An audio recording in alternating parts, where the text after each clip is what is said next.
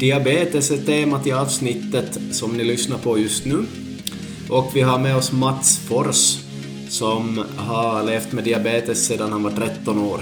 Och han kan det mesta om diabetes, så vi ska låta honom prata mest och jag ska mest vara här och ställa frågor som har kommit in via Instagram och frågor som jag annars har hört att folk vill, vill få fram till den här podcasten. Alla vet vi någonting om diabetes och alla tror vi att vi vet någonting om diabetes, men i dagens avsnitt ska vi bli lite klokare och få lite mer kött på benen. Så höj upp volymen för Fotbollsfabriken Finlands podcast. Yes, nu borde Mats Fors vara med här på tråden. Ja, jag är här. Hallå? Yes, fint. Uh, ja, måste fundera när jag sitter dig senast, men vi studerar ju på lärarutbildningen båda två. Du var kanske två klasser ovanför mig, eller hur var det? Ja, ja det kan nog hända. Minns att vi sov, sov varandra på Tritonia där på slutet. Vi hade kanske något slutarbete på gång, men det hade ni också, så jag vet inte, kanske ni bara var ett år före. jo, och så hade vi ju det här långa biämnet i, i gymnastik som vi höll på med en stund då, i lag. Det, ja. Ja, ja, okej. Okay. Ja, ja. Det var så mycket vändningar hit och dit och byte av gäng, så svårt att minnas alla vändningar. jo. Precis, ja, ja. Men du har bott på Åland och jobbat där som lärare på senare år, visst? Ja. Ja, om man tänker eh, för, för ett halvår sedan så flyttade vi ut till Teneriffa. Så vi har bott på mm. Teneriffa i det senaste halvåret men innan dess har vi bott fem år på Åland då, och jobbat som rektor och lärare där då. Mm, ja, det är nog intressant. Ja, det här med Teneriffa, hur kom ni på den idén? No, vi har ju alltid haft funderat lite så där med frun av och till och med barnen och så här om att det skulle vara jätteintressant att prova på att, att bo utomlands och speciellt i ett varmare land. Då. Och så var det väl nog bara egentligen av en händelse att vi, vi såg en annons i februari i fjol att, att de sökt lärare till Svenska skolan i Teneriffa och, och på den vägen blev det då att vi sökte och hade turen att bli valda. Så. Mm. Det var jätteroligt. Ja, nog häftigt och, och modigt också. Det är nog någonting som många säkert drömmer om men aldrig skulle våga göra. Så det är ju häftigt. Jag följer faktiskt den här svenska skolan på Teneriffa på Facebook nu. Och ja. äh, dig brukar jag följa och du heter ju Springmats på Instagram och kanske Twitter. Jo, stämmer bra. Ja, ja, men du har mycket har haft mycket intressanta inlägg och allt möjligt genom åren här. Mm, tack. Ja, men ni är där tills vidare, eller har ni något tidsbestämt eller? Ja, vi eh, tar ett år i taget och så där så att vi, vi tänker att vi kör det här året färdigt nu först och så tar vi väl beslut då om det blir, blir att man funderar på att förlänga eller, eller om vi återvänder hemåt och så där. Att det ju, finns ju fördelar och nackdelar och så här och, och många saker att väga in i det där så att, så att det är lite oklart ännu men, ja. men vi, vi, vi trivs väldigt bra, väldigt bra här nu i det här varma klimatet och så där. Skolan är ju, skolan är ju väldigt lik på många sätt uh, skolan i Finland men, men även har ju många, många sidor som är olika också. Att, Mm. Vad är det som skiljer mest, tycker du? Nå, det, som är, det som är lika, om man tar, tar det först med det som jag är van med från Åland i alla fall, så är ju att klasserna är relativt uh, få elever i, att det är 15 elever, så att jag tycker att det som är uh, ungefär där som taket går tycker jag för att det ska vara som kvalitet i klassen. Att blir det 20 eller 25 eller till och med 30 elever så, så, så tycker jag att det, man, ser, man ser inte den här enskilda eleven och mera då inte. Och, och det blir som svårare att, att få ihop den här sammanhållningen och, och, och sådär att, att klimatet i klassen blir ofta lidande kan bli ja. med för stora klasser och så här också. Det kan det bli med små också men uh, men du frågar ju inte efter det utan du frågar ju efter största olikheterna så att uh, vad ska mm. man säga att läroplanerna tar ju upp ganska, ganska samma saker och ämnena är väl snarlika och sådär men att man har ju sådär ur lärarsynvinkel så, så håller man ju på med nationella prov till exempel i, i årskurs 3 och årskurs 6 och jag har ju femman och sexan. Eh, så att i höst har jag haft muntliga nationella prov då i svenska, matematik och engelska. Vilket har varit både intressant men också som en sån där extra sak som man som lärare ska göra förstås. Så att, så att eh, det, det, är väl en, en skillnad och en annan skillnad så där mellan det här skolan som jag är van med från Finland och, och det här säger ju att man är väldigt mycket närmare föräldrarna är ju med i, i den här vardagen i skolan på ett helt annat sätt och så har man ju flera lektioner ut, utomhus och idrott på stranden och sånt här som man tänker sig när man tänker på en, en eh, skola i, i utlandet i ett varmare land. Så att. Mm, ja, det är nog häftigt. Mm. Hur är det i skolbyggnaden? Blir det varmt eller har ni AC där? Jo, vi har nog AC att när vi kom så var det ju ja, där i augusti var det ju riktigt varmt så att vi hade ju nog säkert i medeltal strax under 30 grader bara då alla dagar så att då var, gick nog AC'n på för fullt. Men nu när det närmar sig jul så märker man ju nog att nu blir det ju sådär 24-25 grader på, på dagarna men att, men att man klarar nog sig bara med att öppna fönstren och så här att man måste tänka på miljöerna och så där. Så mm, att, ja. Mm. Intressant. Ja. Men det finns nog. Häftigt. Häftigt, häftigt. Ja, har ni någon fotboll där, fotbollsplan nära, måste jag ju fråga. ja, det finns nog lite här och där finns det sådana lokala lag och så här men att äh, faktiskt inte jätteinsatt i, i, i det här fotbollen här på Teneriffa men jag vet ju att de har ett lag i, i spanska division 1 då, Tener, alltså Teneriffa då. Mm. Och de, de har ju sån här lokal derbyn mot, mot äh, Gran Canaria och så här så att, så att relativt intressant fotboll kan man ju nog se här på Teneriffa också. Att. Ja, absolut. Mm, det brukar vara konstgräsplaner där så det är väl säkert det de har så har de kanske en stadion med gräs antar jag.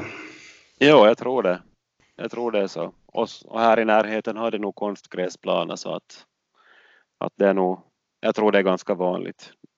Det är så torrt klimat och så att, så att det går ju åt mycket vatten att, att hålla igång de här gräsplanerna här också.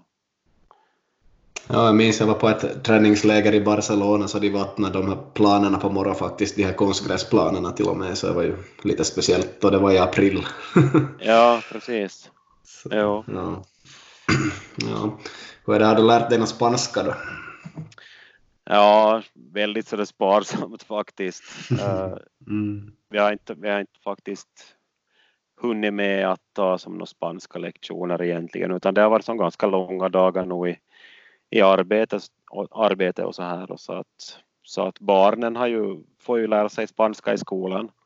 Så att det är väl nog genom dem som vi har lärt oss mest så där. Men att man kan, man kan nu beställa i alla fall i köttdisken kan man beställa lite ost eller malet kött eller något sånt här så att mm. på, på spanska så, så, så mycket kan man ungefär så att det, Ja, kan fråga ännu sådär i vardagliga livet, hur är, det, hur är det med maten? Att bo där och köpa mat, är det något större shoppingcenter man går till och handlar? Det är kanske inte riktigt som att vara på City Market eller Prisma här i Västerbotten eller Finland. ja, nej men alltså är, nog, är ju nog som lite liknande att det finns som små butiker och så finns det sådana stora supermercados och, och sånt här som motsvarar nog lite sån här jättestora matbutiker då som ungefär Prisma och Citymarket och så här men att om man, om man bara tänker matdelen då. Och de har ju de har väldigt bra med produkter och maten är ju kanske lite förhållandevis billigare än vad det är i, i, i Finland och, och så här och, och tänker man som på, ja, om man ja, trycker om alkohol och sånt här så sånt säljer de ju inte på någon alkohol utan det är ju direkt i butiken och sånt är ju väldigt mycket billigare till exempel. Mm. Som, som ja. matvaruaffärerna är ganska fyllda av. Men som sådana här eh, köttdiskar och fiskdiskar och sånt här har de ju i nästan alla butiker. Så att, ja. Ni hittar den mat ni behöver i princip? Ja, absolut. Ja, men det är bra. Behöver ni ha någon bil där eller klarar ni er utan? Ja, många, många klarar nog sig utan bil men vi har faktiskt äh, valt att ha bil då för att vi, vi sökte en lägenhet äh, först som var äh, kanske den var en fem kilometer från arbetsplatsen då och då är det redan lite, lite jobbigt att ta sig med buss och så här så att, så att vi valde nog faktiskt att köpa en bil. Nu har vi sen flyttat till ett ställe som är, är till och med 15 kilometer utanför skolan då så att mm. ja, ja. att det är som det, det, om man ska säga som något negativt med att, att bo på Teneriffa så är ju att det är väldigt dyra dyrt att bo här, att det, hyrorna är, blir snabbt väldigt höga. Så att du får nog nästan räkna med att ge en tusenlapp i, i, i månaden för en, okay. för en, för en tvåa. Nej, det är så pass. Kanske beror på att det är mycket turister och attraktivt jo. område ändå. Ja. Jo, jo, är precis därför. Precis, just det. Ja. Så en av de negativa bitarna, men det är kanske inte så många andra som är negativa nej, bitar. Nej, nej, så är det ju. Mm, precis. Okej, okay, men vi ska komma in på dagens ämne lite och det är ju då diabetes och diabetes inriktat på idrott kan vi ta mest, men också så här annars lite. Mm. Um, så här som privatperson och allmänt så kan man väldigt lite om det här ämnet måste jag ju konstatera. Uh, då jag varit gymnastiklärare har jag alltid vetat om vem som har diabetes och um, haft kanske några honungspåsar redo ifall det skulle bli något sockerfall där och, och kunna hjälpa till då. Och så ja. där. Det är typ vad jag visste från förr, sen har jag hört på no några podcasts och förberett mig lite grann inför det här i alla fall. Mm. Och ehm, ja, vi kan ju, eller det är lika bra att du berättar, men du kan ju berätta lite vad diabetes är typ 1 och typ 2, vad det är för skillnad så här i stora drag, så vet alla som, som helt enkelt inte har kunskapen. Ja, precis. No, diabetes är ju en väldigt vanlig, vanlig sjukdom, speciellt i Finland så är det ju väldigt vanligt förekommande att det är ju uh, det är ju en halv miljon som lider av diabetes och då räknar man ju både typ 1 och typ 2 in dit. Och cirka 50 000 typ 1 diabetiker så finns det i, i Finland. Och Eh, är du en typ 1 diabetiker så alltså då då producerar inte din kropp eller din bukspottkörtel längre hormonet insulin som är viktigt när du ska få socker ut ur kroppen, alltså att få spjälkt sockret så att det försvinner genom blodet ut. Eh, då behöver du ha insulin i kroppen och det har alla friska människor har det. Men en diabetiker då så, som har typ 1 diabetes så så börja märka av det här i början och, och ibland kan man ha en e- liten egen produktion uh, som pågår kanske ett halvår ungefär. Uh, som gör att du kanske inte behöver ta jättemycket insulin då under den tiden men sen så försvinner den för att aldrig egentligen återkomma. Vad, vad, vad forskningen visar än så länge. Och typ 2 diabetes då som man eh, tidigare har kallat kanske för sån här åldersdiabetes eller så här så, så äh, där så har man har man en, en viss egen produktion av insulin men den kommer inte riktigt igång inte så att man med hjälp av äh, tablettform då, tablettpreparat då, så kan man få, få kroppen att, att ge det här insulinet ändå men att man, då måste man kanske i ännu större grad reglera sin kost och, och kanske äta kolhydratfattigt för att må så bra som möjligt.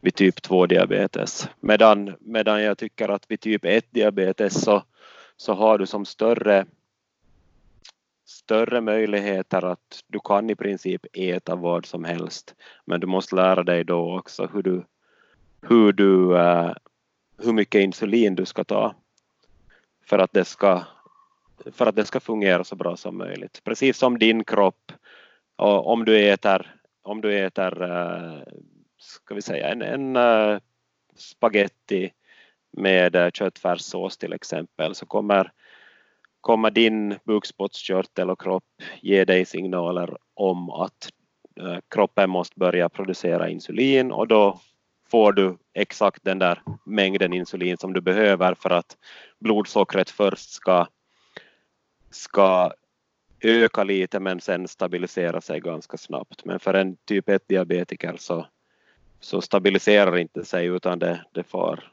skyhögt upp om du inte, om du inte har insulin i kroppen. Så där skulle jag förklara det. Mm, hängde, du, ja. hängde du med? Jag hängde nog med, speciellt då jag läste in mig lite här på sistone. Ja, nej men bra förklarat och vi kan ju se lite från dina erfarenheter och så kan vi komma till en del frågor som har kommit in sen och så vidare. Mm, ja, vad roligt.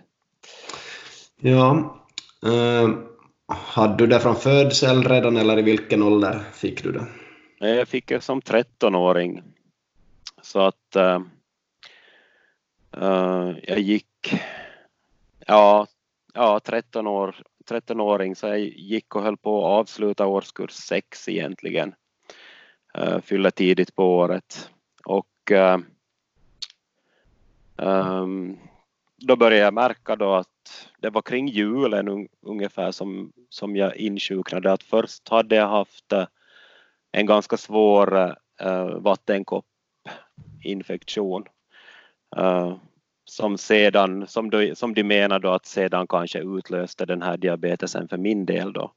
Och då gjorde det att, att jag började gå på WC och, och gå och kissa fl ibland flera gånger per natt. Och, och, min pappa har ju också typ 1-diabetes, så att men ändå, men ändå så tog det, tog det nog kanske en vecka eller så här innan vi vi började reflektera och förstå att, att det är något som, någonting som är fel. Och jag var ju väldigt törstig hela tiden. Och sen när, vi, när, jag, när jag var på en fotbollsträning då och hade varit på den så var jag som supertörstig efteråt och, och hade druckit upp allt mitt vatten på träningen som jag hade och äh, då, då gick jag som bara till grillen och köpte en sån här äh, limonad eller vad man ska säga, sån här eh, läsk.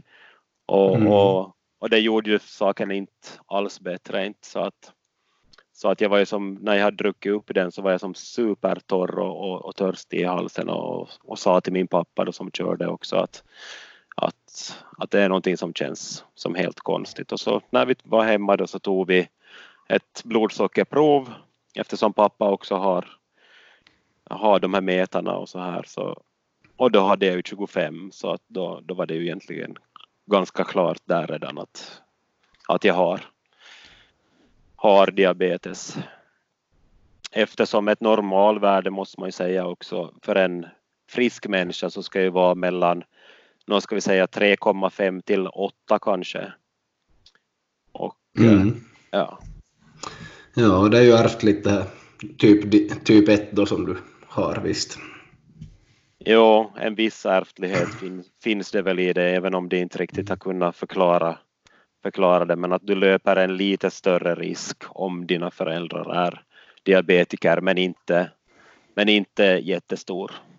Ändå inte. Mm. Ja, precis. Och eh, visst är det så att om det blir lågt, så nära ett, så ska man äta, och om det börjar fara för högt så då behöver man ta insulin, visst. Jo, korrekt. Så, ja. så ska det vara. Och, och är, man, är man vid ett någonstans så då, då, då blir ju de flesta medvetslösa redan. Att, att det är ju, när det far under 3,5 så börjar man redan eller vissa kanske redan vid 3,8 eller så här börjar redan känna då att de kanske kallsvettas eller, eller uh, börjar se suddigt eller, uh, eller så här, blir lite trötta och dåsiga och så här. Så, att, så att det finns nog en hel del med sån här tecken som man själv som diabetiker kan se på men också som omgivningen kan försöka vara uppmärksam på. Att när det gäller mm. de här låga värdena speciellt. Att det är ju de som är de farligaste ur ett sånt där, i ett sånt där närt perspektiv. Medan om, ja. du, går med, medan om du går med, med skyhöga värden under en lång tid så kan du, kan du, kan du ju också bli, hamna i så här sockerkoma. Ja, visst är det skadligt för organ kanske att ligga högre än sju en längre tid eller? Jo, jo, jo, så är det. Men jag, men jag, jag personligen så, så tycker att, äh, att man, kan nog, man kan nog gott ibland ligga på tio och så där utan att oroa sig men att det är klart att man strävar efter att ligga på uh, mellan fyra och åtta sådär. Men att, men att man måste ju ändå tänka på också att en, för en diabetiker så, så, så kan det ju som vari, vara så jättestora variationer. Så att eh, om du inte om du missar att ta ett prov eller så där så kan du ligga på en 15 ganska utan problem. Så att man måste ju kanske vara ganska bra. Man måste ju som tänka lite så där också att man inte det är inte världens undergång heller fastän du har ett högt värde men att du kanske du kanske behöver se till så att du inte har det för ofta, tänker jag. Mm. Ja. Så där, man ska ju ändå kunna leva med, med den här sjukdomen också. Så att, och blir man, blir man som för nitisk och är, är som för mycket på sig själv uh, med, med negativa saker för att man har fått ett dåligt värde så då, då, då tror jag det blir svårt att leva. Du skulle kunna berätta hur det är att leva nu i vardagen som du gör för tillfället och kanske hur det var tidigare. Vad använder du för hjälpmedel? Har du en sån där insulinpump och vad finns det för hjälpmedel och allt möjligt? Du kan berätta ganska fritt. Ja, ja men roligt att du frågar. För att det är ju en sak som jag är väldigt sådär engagerad i ändå. Så här, det här med diabetes hjälpmedel för att eh, för att jag inledde, inledde ju som många andra som sprutdiabetiker då eller, eller eh, en diabetiker som får insulin genom injektioner. Och då hade jag ju först ett långverkande insulin som jag tog morgon och kväll och sen vid varje måltid och, och kanske vid mellanmål och sånt här så tog jag kortverkande insulin på dagarna. Och uh, under min eh, under min, eh, ska vi säga studietid och uh, ungdomstid och så här så, så uh, uh, vad ska jag säga, så, så använde jag sprutor mest och, och, ville inte egentligen använda någonting annat heller inte, även om det då redan erbjöds en insulinpump till mig men jag tänkte sådär att jag var ju fotbollsmålvakt och jag tänkte ju, nu hade nog ganska starka åsikter om att den, en insulinpump så kommer att vara i vägen för mig när jag ska slänga mig hit och dit och, och så här. Så att jag var, jag var väldigt motstridig nog till att uh, få en insulinpump även om man från sjukhushåll och så här påpekar att det skulle kunna ha bra effekter på mitt eh, blodsocker som inte inte kanske var jättebra balans där heller inte, eller det var inte bra balans när, under min ungdomstid inte. Uh, och uh, men sen då där när jag närmar mig 30 år så 29-30 år där någonstans så då, då hade jag faktiskt uh, Eh, jag spelar fotboll då ännu men, men jag höll på det, det var på slutrakan om man säger som så. Att, så att då, då gick jag faktiskt med på att testa en insulinpump. Och en insulinpump idag, jag använder ju Medtronic insulinpump och det finns ju många, många andra också som man kan använda, Omnipod eller, eller ja, vad allt de heter, men jag är ju mest insatt i, i Medtronics pump då. Men det finns många motsvarande så att, ska inte säga, säga, säga något all, all, alla hjälpmedel är bra. Uh, och där har jag haft sen dess då i de senaste tio åren egentligen då så har jag haft uh, många olika uh, insulinpumpar från Medtronic och de funkar ju på det sättet då att de ger kortverkande insulin lite hela tiden, att man ställer in den enligt sin egen kropp då att hur mycket basinsulin behöver man och det, det ges då kontinuerligt i kroppen då och gör att man på många sätt har en jämnare sån här um, jämnare insulinflödet i kroppen vilket också, jag tycker också att det ger bra effekter som på blodsockret så där på sikt. Uh, så det, det är en sån där fördel med det. Men, men också nu för tiden så, så har man också jättebra att man kan ha sensoreringar som alltså att det mäter blodsockret hela tiden i kroppen och ger information till insulinpumpen så att du i princip hela tiden bara kan lyfta upp insulinpumpen och säga att jaha, men nu har jag 8,5 och, och nu ska jag äta, äta en middag här då, så då programmerar jag in den då att, att eh, nu ska jag äta så här många kolhydrater och eh, då räknar insulinpumpen ut åt mig då att okej, okay, då behöver du så här mycket insulin och så får man det, får man, får man det insulinet man behöver. Och eh, det, det, jag har nog upplevt att min, min diabetesbalans har blivit mycket, mycket bättre sen jag fick insulinpumpen och jag skulle aldrig frivilligt gå tillbaka till de här sprutorna inte.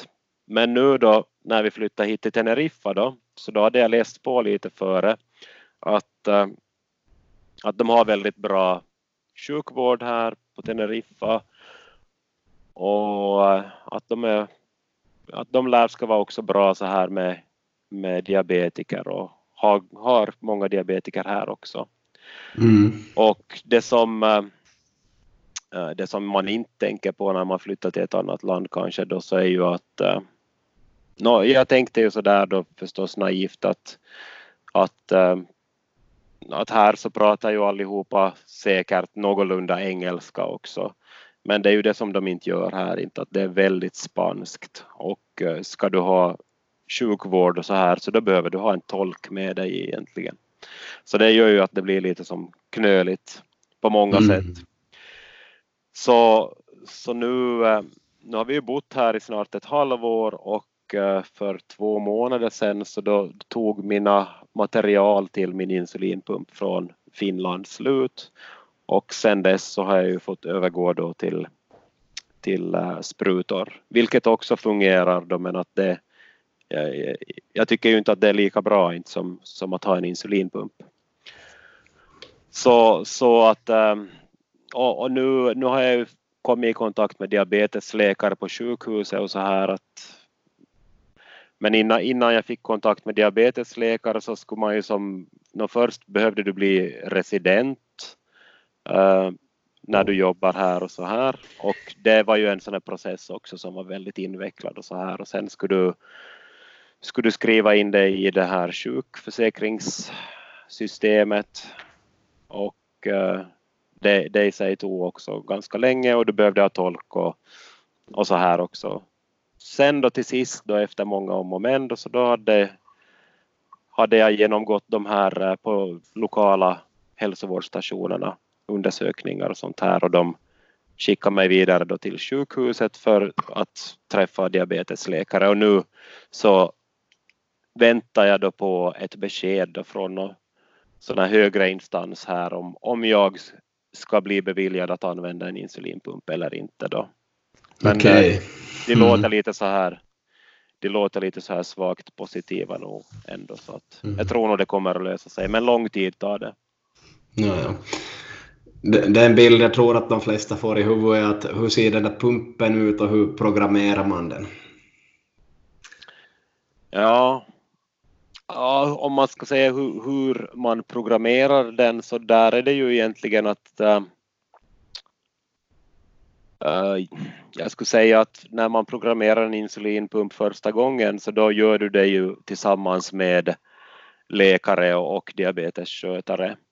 Uh, och du ställer in då vad du ska ha för uh, basinsulin, hur mycket den ska hur mycket insulin den ska ge dig och uh, sen då så ska du ställa in din kolhydratkänslighet, alltså hur mycket insulin pumpen ska ge dig per kolhydrater då. Mm. Uh, och så här då, det där är ju en process då egentligen som inte går direkt, inte att man gör ju ett förslag um, från sjukhusets sida då som man följer upp sen uh, med hjälp av att man har kontinuerlig sensorering då så att du kan följa med och se så ser man ju att var går det, var blir det för lågt och var blir det för högt och sen så justerar man ju det här då. Så att det är ju som en process det där.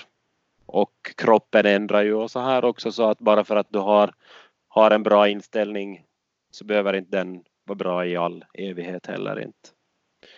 Så att det, det är nog en sådär kontinuerlig process egentligen. Det där med inställningen. Ja, många bra förklaringar. Vi tänker rent fysiskt, hur ser den ut och var sitter den på kroppen?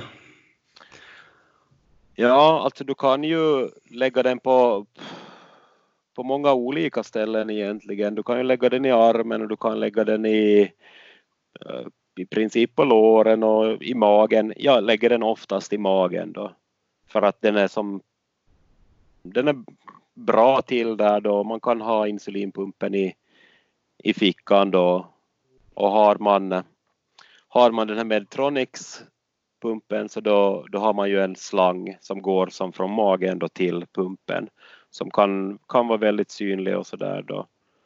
Uh, medan Omnipod har ju en variant och haft ganska länge en variant där man har den här insulinampullen har man som på magen tillsammans med den här in, infusionssättet då. Och så har man sen en fjärrkontroll som man kan ha i fickan då, som många tycker är en fördel med den då. Mm. Ja, Men att den, är, den är väl lite mindre än en smartphone kanske man kan säga, som en liten sån, sån här fjärrkontroll. Ja, jag, jag tog en bild på Google här nu samtidigt så jag, jag har lite fjärrkontroll. Själva jo. den där dosan är lite som en tändsticksask ungefär, lite större. Ja, lite större nog. Ja, precis. Vad ska man säga, kanske som två tändsticksaskar. Mm, mm. Ja. Ja, men det är intressant och man, man kan så lite om det här i allmänhet. Jo. Att ingen ger en den kunskapen om man inte tar reda på den själv. Så. Nej, men så är det ju. Så. Ja, en, en grej jag hörde, hörde idag som var diskussion också var att just om någon har svimmat av så man har ofta det här andning, blödning, chock och man ska lägga personer i framstup och sidoläge och sådär men att egentligen tänker folk kanske inte på att någon skulle ha diabetes som man svimmar av någon gång sådär så visst finns det eller finns det några kännetecken att känna igen en diabetiker? Kan det finnas något armband eller halsband eller något? Har du något tips kring det här? Nå, alltså det är ju, det är ju jättebra.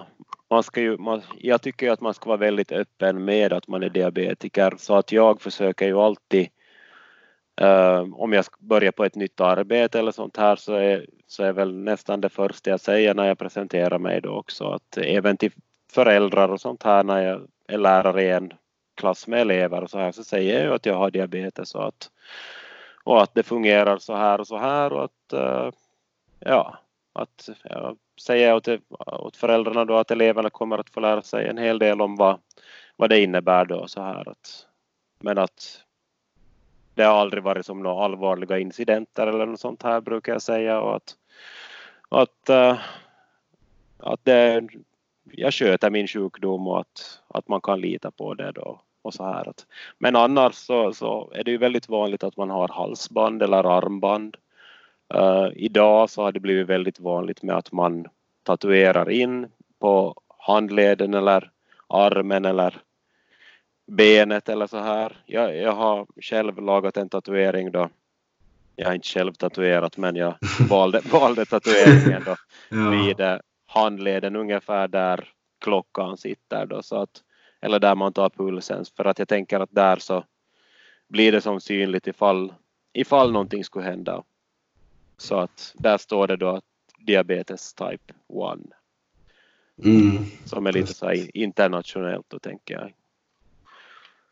Ja, så, att, så att det, det, det är ju saker som man kan tänka. Men att jag tänker nog att det där främsta som man behöver göra så är ju nog egentligen att inte skämmas för att man har en sjukdom eller något sånt här som, som jag vet att kan vara väldigt vanligt också att bland diabetiker att man är öppen och säger att det här har jag, det här har jag och, och så här och så här kan jag fungera och, och det här kan ni vara lite observanta på då ifall så här då. Och ibland måste jag gå och äta någonting och, och så här. Så sen är, sen är det ju oftast ur världen med det då. Mm. Ja. Yes. Det här med att räkna kolhydrater, du har säkert blivit expert på det, men hur pass svårt har det varit i början och så där? Alltså man måste ju hela tiden uppdatera sig, men eftersom man ofta så känns det ju som att det börjar gå lite som på autopilot och så där att ett, man, där i början så får du ju sådana böcker med vad, vad olika saker innehåller då, att ofta är ju ofta är ju som en brödskiva med smör och, och, och ost då 10-12 kolhydrater och ett mjölkglas är 10 kolhydrater och, eh, och så vidare. Och så lär, lär, man sig på den vägen då så lär man sig att uppskatta då att tar du till exempel två mellanstora potatisar så är det 20 kolhydrater och, och så vidare. Sallad så får du lägga på ganska mycket av utan att det påverkar den här kolhydratmängden någonting och, och så här så att. Mm. Ja, precis. Ja, jag skulle säkert ta tusen frågor men jag måste välja någonting men um, ja. du skulle kunna berätta hur du tror att det är eller någon sorts tips om vi skulle sett tre olika åldrar. Om vi skulle sett någon som är ungefär tre, fyra år gammal och någon som går i högstadiet och någon som är vuxen, men det hör vi ju ganska mycket enligt dig. Så hur tror du det är just för de här små och sen i högstadiet? Är det några speciella tips eller något du kan ge kring sånt? Ja, ja alltså de här små, så de... Eh, jag tror att det är ganska vanligt att man... Att, jag tror att i princip 100 procent av alla som får typ 1 diabetes i Finland idag så, så blir lagda på pump, insulinpump, vilket är bra för att då kan ju föräldrarna på, på ett mycket enklare sätt också följa med uh, den, här, ursäkta, den här treåringens uh, diabetesbalans. Och de kan även ha alarm och sånt här på natten och sånt här vilket gör att föräldrarna kan kanske sova bättre än de skulle göra annars. För att det är ju, det är ju vanligt är det ju nog en eh, jättestor påfrestning för, för föräldrar vilket man kanske inte alltid tänker på. Men att eh, man, jag tror att man lätt kan tänka sig nog där att, att när man har ett barn, barn som, eh, som har diabetes så finns det ju som en möjlighet till att att någon sjukdomsattack kan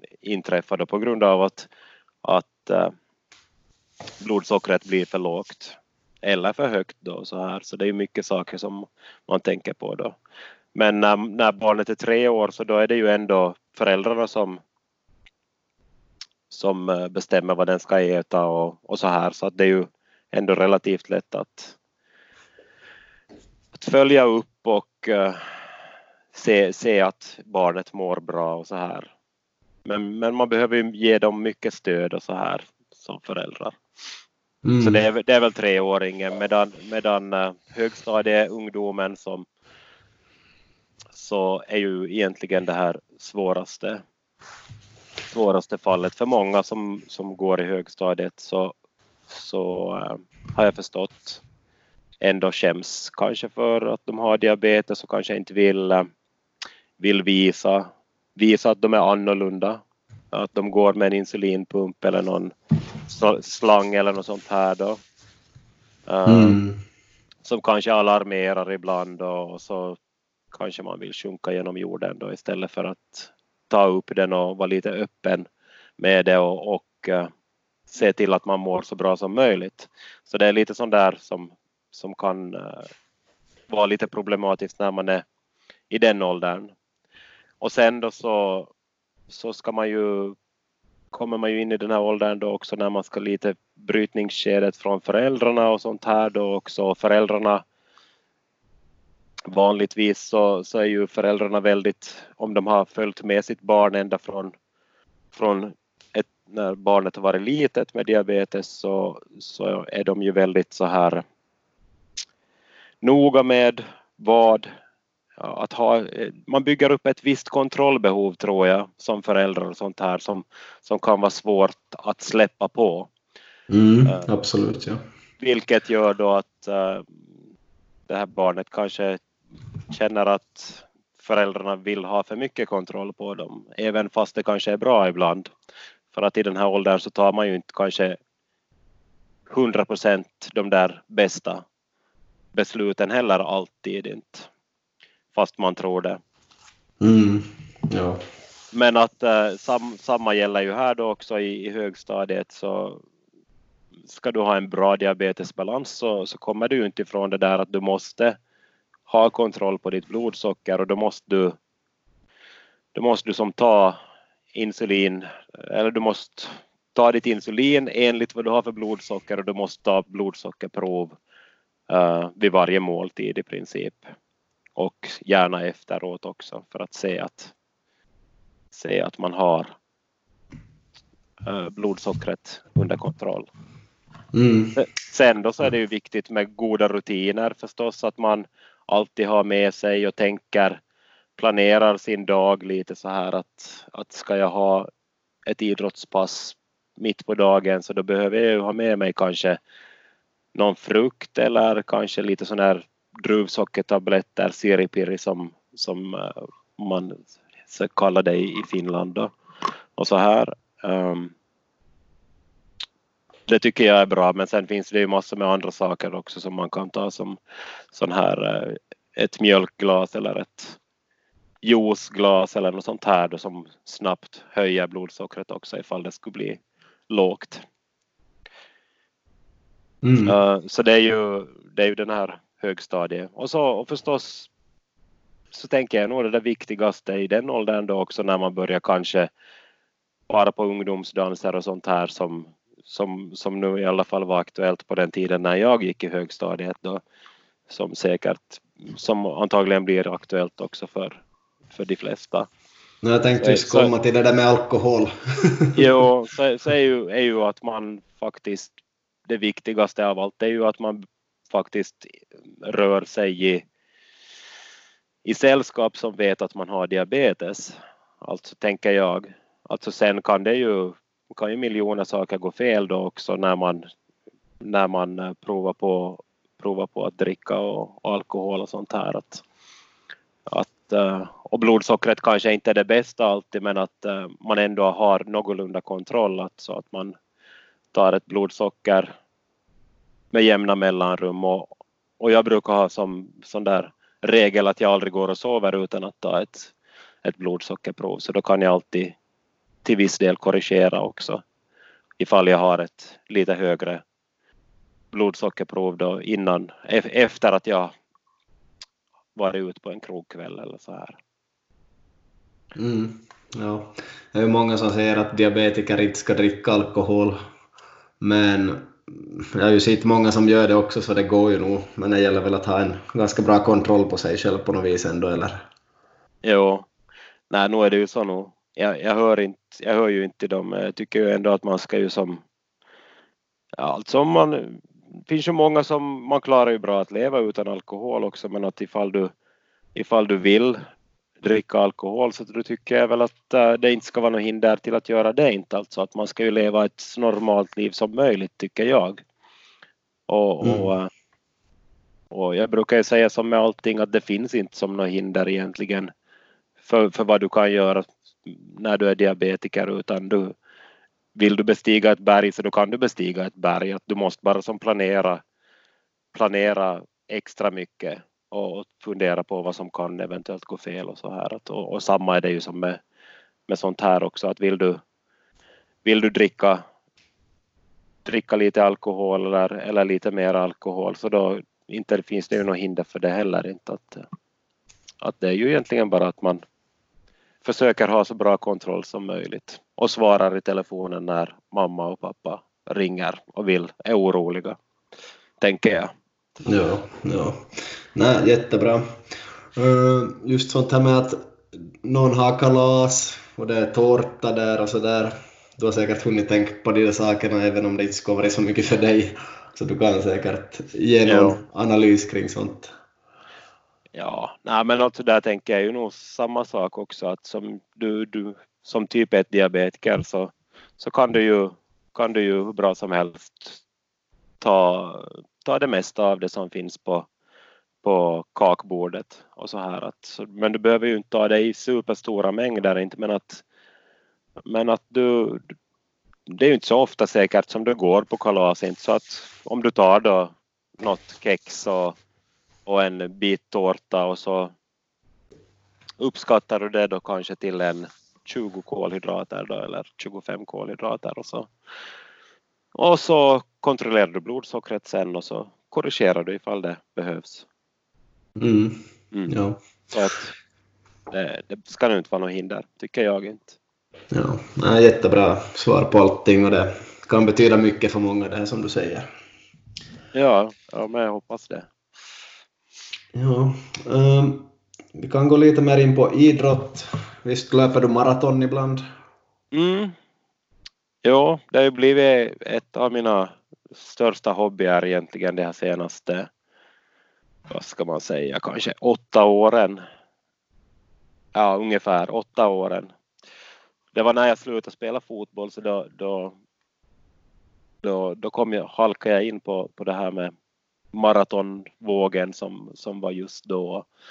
Och, och det har jag tyckt har varit väldigt så här utmanande för jag är ju ingen, ingen löpare på det sättet att jag, jag hatar ju att löpa när jag var, när jag var eh, yngre och så här men, men nu ser jag som mycket större tjusning i det då att, att just med det här uthållighetsidrotten och att pressa sina gränser och sånt här och träna för att bli, bli bättre för att man ser ju framstegen väldigt mycket inom det här eh, långdistanslöpningen och, och uthållighetsidrotterna överhuvudtaget. Mm. Ja, jag, jag hörde på en podcast idag då, då jag forskade lite i diabetes. Det var någon som hette Robin Bryntesson, mm. väl någon skidare. Jo. Bland annat skida Vasalopp och sånt. Men att mm. läkarna hade sagt att honom i något skede att nej, du kommer bara att kunna gå ut och gå med stavar en halvtimme, att det, det är ungefär din nivå, hade de sagt då för x antal år sedan.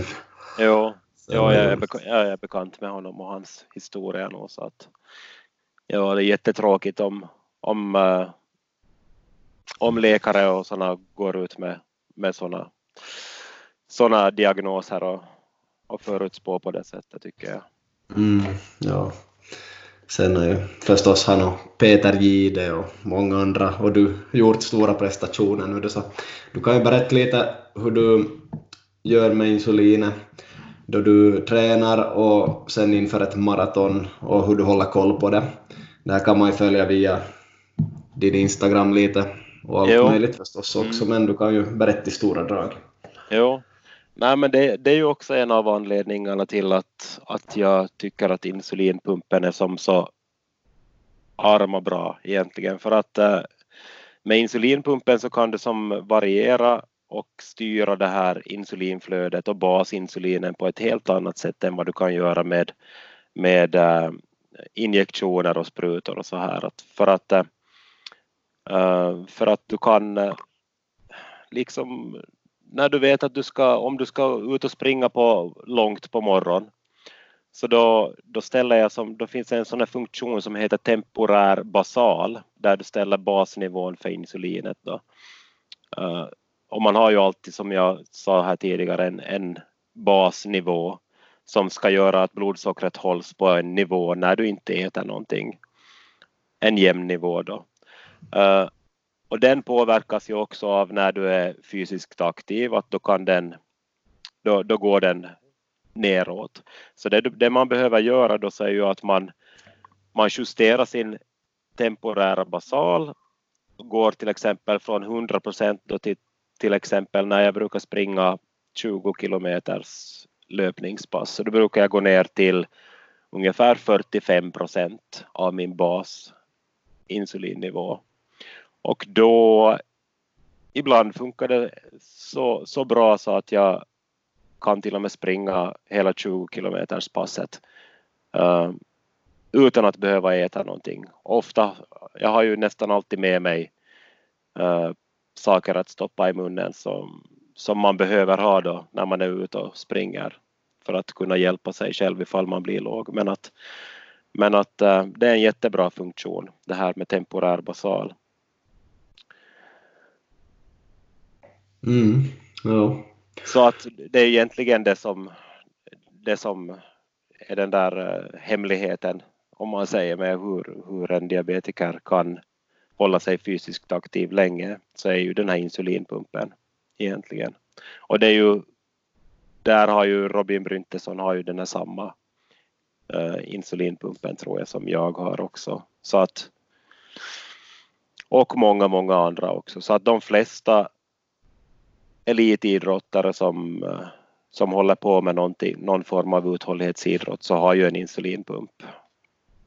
Mm. Capo Kakko är väl också diabetiker förstår jag? Jo. Honom är, jo, precis. Honom är jag inte säker på, men jag, jag tror nog att han har insulinpump. Mm. Ja, precis. Yes, det låter nog tufft. Det här med maraton för dig som känns så otroligt avlägset för en normal människa att ändå springa 42 kilometer så det är ju ganska tufft att det går med, med insulinpump och så vidare. Vad brukar du äta under ett maratonlopp och före? Är det något speciellt som inte andra gör eller något sånt där? Nej, inte, inte egentligen, utan jag brukar, jag brukar ju som jag brukar inte som kolhydrat ladda jättemycket utan jag brukar stiga upp uh, typ en tre timmar, två och en halv, tre timmar innan loppet. Ofta är de ju ganska, ganska tidiga och, och så äter jag uh, eh, typ en havregrynsgröt med, med lite russin i och så här och så försöker jag ge mig lite insulin då så att det inte ska bli som högt för man vill ju inte ha högt heller inte för att då inverkar det ju negativt också på din prestation. Speciellt om du är uppe i några nivåer på 15 eller något sånt här vilket kan vara också vilket man kan uppnå också till exempel om du är jättestressad inför en, en start eller något sånt här. Sen, sen så är det ju viktigt också att, att man äter med jämna mellanrum då att precis som jag gör vid, när jag, vid kortare träningspass och så här så tar jag ju temporär basal då och ställer in den på ofta då på fyra och en halv timme då för att jag siktar ju på att springa där någonstans kring fyra timmar ofta. Och uh, sen så i de flesta maratonlopp då så, så finns det ju vätskestationer och ofta finns det ju bra med sån här eh, energidepåer också där man kan få bananer och sånt här. Eh, energi, energibars och, och sånt här ibland också. Så att jag brukar ju vid varje fem kilometer ungefär brukar jag ju som dricka och ta energidryck och, och sånt här då. Vilket hjälper till då att hålla blodsockret så att det inte blir för lågt. Mm. Men, sen, men sen har jag ju givetvis med mig också i sån här uh, flipbelt och sånt här. Ja, uh, energidryck, det är alltså kolhydratdryck, visst? Jo. Ja, precis. Så att alla förstår att det inte är Red Bull. nej, nej det är inte. Ja, yes. Nej men bra, bra förklaringar. Yes, jag kan ta några raka frågor här som har kommit in från några följare. Vi ska se här ett ögonblick. Um, den första frågan kanske då besvara, men det var hur måste man tänka kring insulindos med maten före träning eller match? eller hur justerar man? Men det beror på lite, har man pumpen då så är det väl på ett sätt och annars är det på ett annat, eller? Ja, precis. Ja, nu är det ju ganska länge sedan som, som, uh, som jag hade match då och uh, Eh, men när, jag, när du har insulinpumpen så då ska du ju tänka på det sättet då att när jag, när jag är målvakt så då har jag inte haft insulinpumpen på mig inte. Så då har jag gjort på det sättet att eh, eh, äh, 45 minuter innan matchen så har jag lagt ner basinsulin, då den här temporära basalen, till ska vi säga 60 procent kanske. Mm. Och eh, sen då när matchen har, eh, matchen har gått igång så då har jag kopplat bort eh, pumpen då. är du, kan, om, om du inte är målvakt så kanske det funkar bättre att, att ha insulinpumpen på dig. men, men när du är målvakt så tycker jag det är väldigt sådär ja, svårt. Uh, så att klart att det, där bästa är ju ifall du kan ha kontakt hela tiden med, med sensorer och sånt här då. Men, men jag gjorde på det sättet då att, att när halvtiden kom då så då kontrollerade jag mitt blodsocker och var det högt så då gav jag mig lite insulin men man ska tänka på att ger man sig själv insulin och är fysiskt aktiv direkt efter så kommer ditt blodsocker att sjunka väldigt drastiskt neråt och det måste du beräkna med också. Så därför så, så ehm, ja, om mitt blodsocker då var kanske 11 eller 12 i halvtid då hade, hade ökat så långt så då, då har jag kanske tagit en halv till, till en enhet då. Men det där, där måste man ju prova sig fram också. Det funkar, vissa saker funkar för en del och andra funkar inte. Ja, det här med en enhet, är det millimol eller vad är det för sånt? Millimol per liter, ja. Ja, precis, ja. ja. Mm. I Spanien är det milligram per deciliter, så där får man, har man fått lära sig lite. Just det. Att, att räkna om lite. Mm. Mm. Men sen då om du använder sprutor, så då, då skulle jag säga då att om du vet att du ska spela en match på 90 minuter och du ska springa jättemycket så då, då tror jag nog att man måste liksom testa sig fram och eh, sänka det här basinsulinet redan på morgonen innan. För att, för att inte det ska som ta ner för mycket. Och sen ska du se till att du äter i god tid innan, typ två timmar innan matchen. Eh, så att du kan ge dig själv insulin, men så att den där insulin insulinets verkan hinner gå ur kroppen innan du börjar springa och anstränga dig. Så, och så måste du också förstås ha extra mellanmål och sånt här att, att sätta in.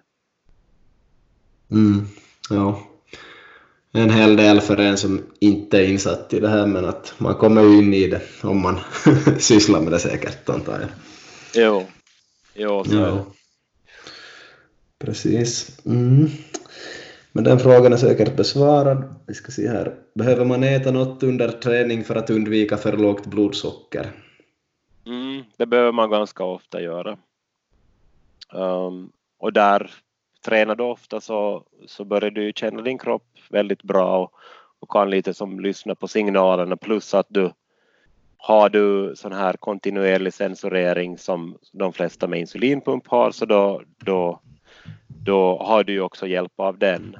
Men, eh, men jag brukar ju märka som när jag, när jag springer så brukar jag som börja märka när det går under 3,5 på, på synen egentligen. Eller kanske närmare där 3,2, 3,1 att, att det börjar gå som neråt. Uh, så att man behöver, man behöver absolut ha med sig under träningspass. Annars kan det nog gå riktigt illa. För att man mm. vet aldrig på förhand hur mycket du kommer att behöva eller så här heller. Så att jag brukar alltid ha, när jag springer långt så då kan jag ha med mig som en 20 stycken druvsockertabletter och ibland har jag kanske med mig, om jag har en ryggsäck med mig när jag är och springer så brukar jag kunna ha frukt där ibland också, russin och sånt här. Mm. Yes, precis. Um, har du någonsin upplevt hypoglykemi under träning match? Jag tror vi måste förklara det, hypoglykemi. Är det att ja, det blir lågt blodsocker? Ja, hypoglykemi är ju att det blir som allvarligt lågt blodsocker. Nej, jag har faktiskt aldrig gjort det. Inte. Alltså det, det har nog som varit lågt men, men uh, aldrig att det skulle vara som okontrollerbart lågt. Uh, mm. Hypoglykemier så har jag nog, speciellt när jag var yngre och, och, och, inte hade insulinpumpen, så då, då, då fick jag det en par gånger faktiskt nattetid efter att jag hade varit väldigt aktiv och så här. Men, uh, men aldrig inom när jag som har varit aktiv under dagen hade hänt sig. Mm. Ja. Mm. För, förutom en gång, man ska, man ska vara ärlig så att förutom en gång då jag, då jag, då jag jobbade på åt posten så, så var jag på upplärning på ett nytt område i ja, södra Österbotten där i Malaxtrakten. Och eh, då, den, den, dagen hade jag faktiskt inte med mig Eh, någonting att stoppa i munnen och, och tänkte sådär naivt att ja, men vi kommer väl säkert att fara förbi något ställe där man kan köpa någonting eller sådär. Så, så vi var ju som mitt eh, under upplärning där då jag lärde mig den här rutten och hade en med mig då jag, och den gången så berättade jag ju faktiskt inte heller att jag hade diabetes så jag hade ju jättedåligt samvete länge efteråt nog att att vad man satte den här personen i för, för situation då när man inte berättar och så sker det faktiskt det, värsta som kan hända då också. Att, så att när, när vi var vid en postlåda då så, så, så blev det som för lågt och, eh, och då fick jag som en allvarlig hypoglykemi då och började krampa. Och hon hade ju ringt ambulansen då förstås som man mm. gör när någon får en sjukdomsattack då så här men att uh, ja, det var nog faktiskt någonting som jag kändes väldigt länge över det där. Så att men, eh, men jag har ju många gånger i bloggen och så här också berättat om det så att det är ju inte som någon hemlighet på det sättet. Men att, så det är, det är nog ett sådant levande bevis på att varför man ska vara öppen med sin diabetes. Mm, ja, verkligen. Mm. Precis. Eh, vad var det för exakt adress i din blogg kan du säga här i det här skedet? Ja, det är www.springmats.com. Mm. Och, så, och så på Instagram hittar man ju mig som Springmats också. Ja, precis. Um, det var någon som undrade lite hur är det med kostnader med insulin och sånt i Finland? FPA står för en del säkert, men inte för allt, eller hur funkar ja, det? Alltså man är ju, man är ju jättelyckligt lottad egentligen i, i de flesta länder. Då. Många länder så, så, så har ju nog diabetespatienter det väldigt mycket svårare. Uh, tror jag. Så att i Finland så betalar du ju en 3-4 euro för, uh, för uh, typ, vad ska vi säga, en till två månaders förbrukning mm. ungefär av insulin. Och ungefär liknande är det här i Spanien också faktiskt. Så att man, man har nog lite samma syn här också på att man, att man behöver sköta, sköta om sin diabetes och så här. Så att det är ju, det är ju bra att de, de ser det för att... Mm. Hur är det med pumpen? Måste man betala hela själv eller? Nej, nej man får nog den där pumpen från men sen kan det ju vara väldigt varierande då mellan sjukvårdsdistrikt då och så här. Uh, vilka hjälpmedel du får ha och vilka du inte får ha och så här att, att där, där kan det nog vara väldigt så där bli lite klyftor och så här även i Finland också att, att vissa får tillgång till de här senaste hjälpmedlen medan andra måste vänta kanske jättelänge innan de, de får dem så att mm. ja på grund av, på grund av kostnaderna då, men att man, man, jag tycker ju ändå att det där att de som ger tillgång på de här senaste hjälpmedlen så, så borde ju se som vinster i att de här diabetikerna inte blir en kostnad för samhället. Att det är så man borde tänka. Men, att, men när man tänker bara så där kortsiktigt så är det ju förstås en kostnad eh, för de här hjälpmedlen också. Men jag tror mm. att de kan ha stor effekt nog sådär på lång tid också. Om man bara tänker på pengar också. Mm, precis. Yes, ehm, ett par frågor till här. Ehm, ser ibland någon som har kanske en sån där knapp typ här vid axeln och kan man läsa av med telefon värdena på något vis? Kan du berätta lite om sån här nyare teknik? Mm. Ja, så det är ju den här Freestyle Libre som den heter.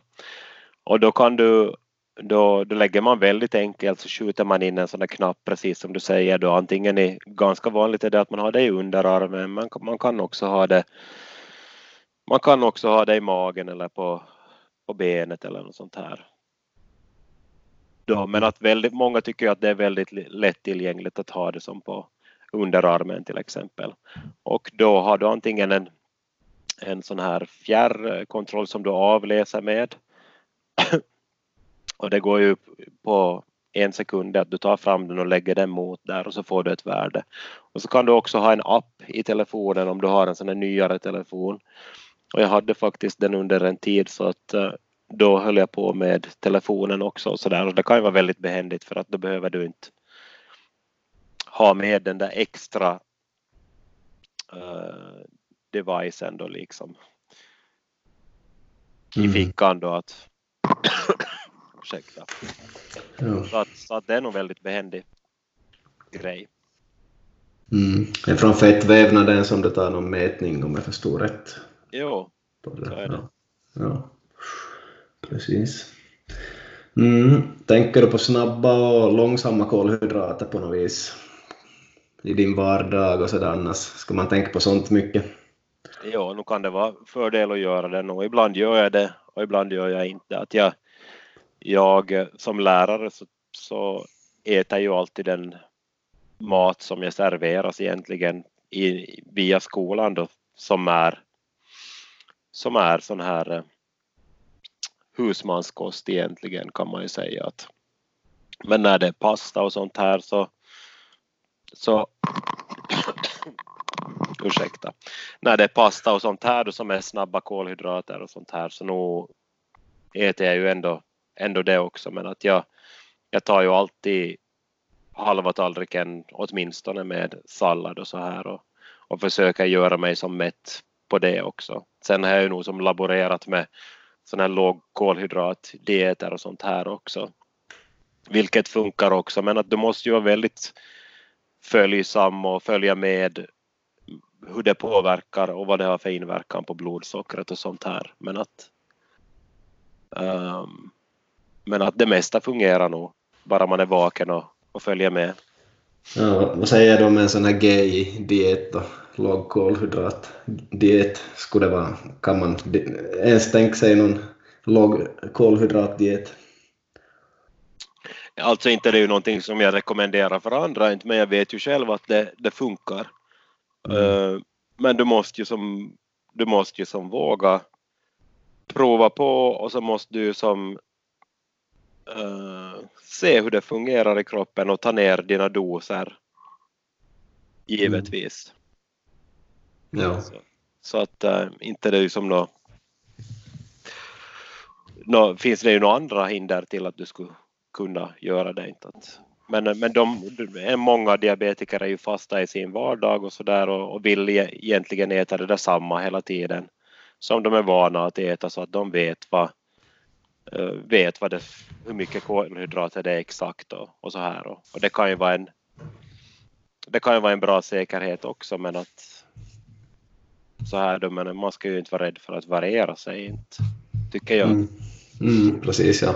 Jag tror den här eh, Robin talar ganska mycket om massa tester han gör hit och dit och någon gång hade han väl suttit och ätit fyra kilo morötter för att se sakta att vad händer. Ja. Det går väl nog att göra alla möjliga tester om man vill säkert. Jo, jo det tycker jag också. Mm, bra. Yes. Um, no, det var också en sån där fråga att undviker du skräpmat och godis totalt? Och svårt Nej. för många att göra säkert. Så du kan berätta lite skräpmat och godis. Ja, nej men det gör jag inte. Alltså vill, eh, vill barnen vi, vi, inom familjen så äter vi ju ganska ofta glutenfritt. Glutenfritt och, och mjölkfritt på grund av att frun och barnen så behöver ha den dieten. Men uh, ifall barnen vill ut och äta skräpmat någon gång då till exempel då till någon sån här hamburgarställe eller något sånt här så, så det är klart att man, man går, att man äh, far och gör det då. Så, så det är ingenting jag undviker men att klart det att jag förespråkar ju att man ska att man ska äta mångsidigt egentligen och, och alltid försöka som tänka på att få i sig som mycket grönt och så här. Och sen med godis och sånt här så diabet, jag tycker att många diabetiker så, så väljer ju att inte äta godis och det tycker jag är väl helt okej okay, men att men jag tycker också att det måste finnas acceptans för de som vill ha en godisdag och äter lite godis då så försöker man försöker man uh, laborera då och ta insulin så att det inte blir ett högt värde. Och mm. ofta, ofta går det bra också, ibland går det sämre men att det är nu, bara man inte äter det varje dag och så här så och försöker kanske äta det kanske en gång i veckan då så då tycker jag inte att det är något hinder med det heller. Mm. Yes. Uh, så sammanfattningsvis så egentligen kan man göra allt bara man håller lite koll, eller hur? Det finns inga gränser, precis som du sa med att bestiga berg och allt det här. Jo, nej men så är det ju. Alltså att det, man ska inte vara rädd för att, att leva livet eller prova på, tycker jag inte. Att det, det är bara att, att man, man får planera lite mer och så håller man koll. Och så gör man det man vill göra. Ja. Jag är jätteglad över allt vi har hunnit diskutera och det är mest du som har fått prata och det är ju såklart du som har kunskapen här jag som bara är lite grann insatt. Eh, har du ännu någonting som du skulle vilja hälsa eller annars berätta om ännu som vi har glömt? Nej, egentligen jag tror nog att det mesta är, det mesta är behandlat och så här att, att det där kontentan egentligen så är ju att eh, att allihopa måste våga vara öppna egentligen för att, för att, att inte det ska ske något för att man ska förhindra att det sker olyckor på grund av att, att uh, din, din miljö runt dig som diabetiker inte vet att du har diabetes och, och så här. Eh, så att det är ju det som är det viktigaste, att du vågar, vågar berätta för andra att du har diabetes. Mm. Yes. Har du ännu något tips för ett barn som växer upp och ska genom lågstadie och högstadie och dens föräldrar? Vi har ju tagit upp kanske allt redan, men har du ännu något, något där du vill säga? Nej, jag tycker ju att man ska förespråka att, äh, att äh, barnet får tillgång till eh, så bra hjälpmedel som möjligt, gärna insulinpump då, eftersom jag vet att det är ett jättebra hjälpmedel. Och, och sen då att, att man stöder barnet i, i både i när de har bra värden och i sämre värden och så här och se till att, att kompis, kompisar och sånt här vet om att, att, äh, att de har diabetes och föräldrar till kompisar. Så att, mm. Och att de alltid har någonting med sig i fickan då, som de kan ta om de behöver. Precis. Mm. Yes, men jag säger tusen tack för det här och eh, lycka till med ditt jobb och du ska ha en god jul och lycka till med alla maraton du har framför dig och allting. Ja, tack för att jag fick komma och berätta, det var jättetrevligt. Och god jul själv. Ja, tack så mm. mycket. Hoppas vi ses i framtiden. Mm. Yes. Yes. Det här blev ett väldigt långt avsnitt med Mats Fors och tack till er som har lyssnat. Hoppas att ni har nytta av det här avsnittet. Och ni får gärna tipsa andra om att det här avsnittet har kommit så att de också får ta del av det och lära sig någonting om diabetes. Och intressant det här att man inte behöver känna sig begränsad. Eller man kanske känner sig begränsad men då kan man höra på Mats Fors och de andra förebilderna som faktiskt lever sitt liv på ungefär det sätt som de önskar. Tack för oss och ha det bäst!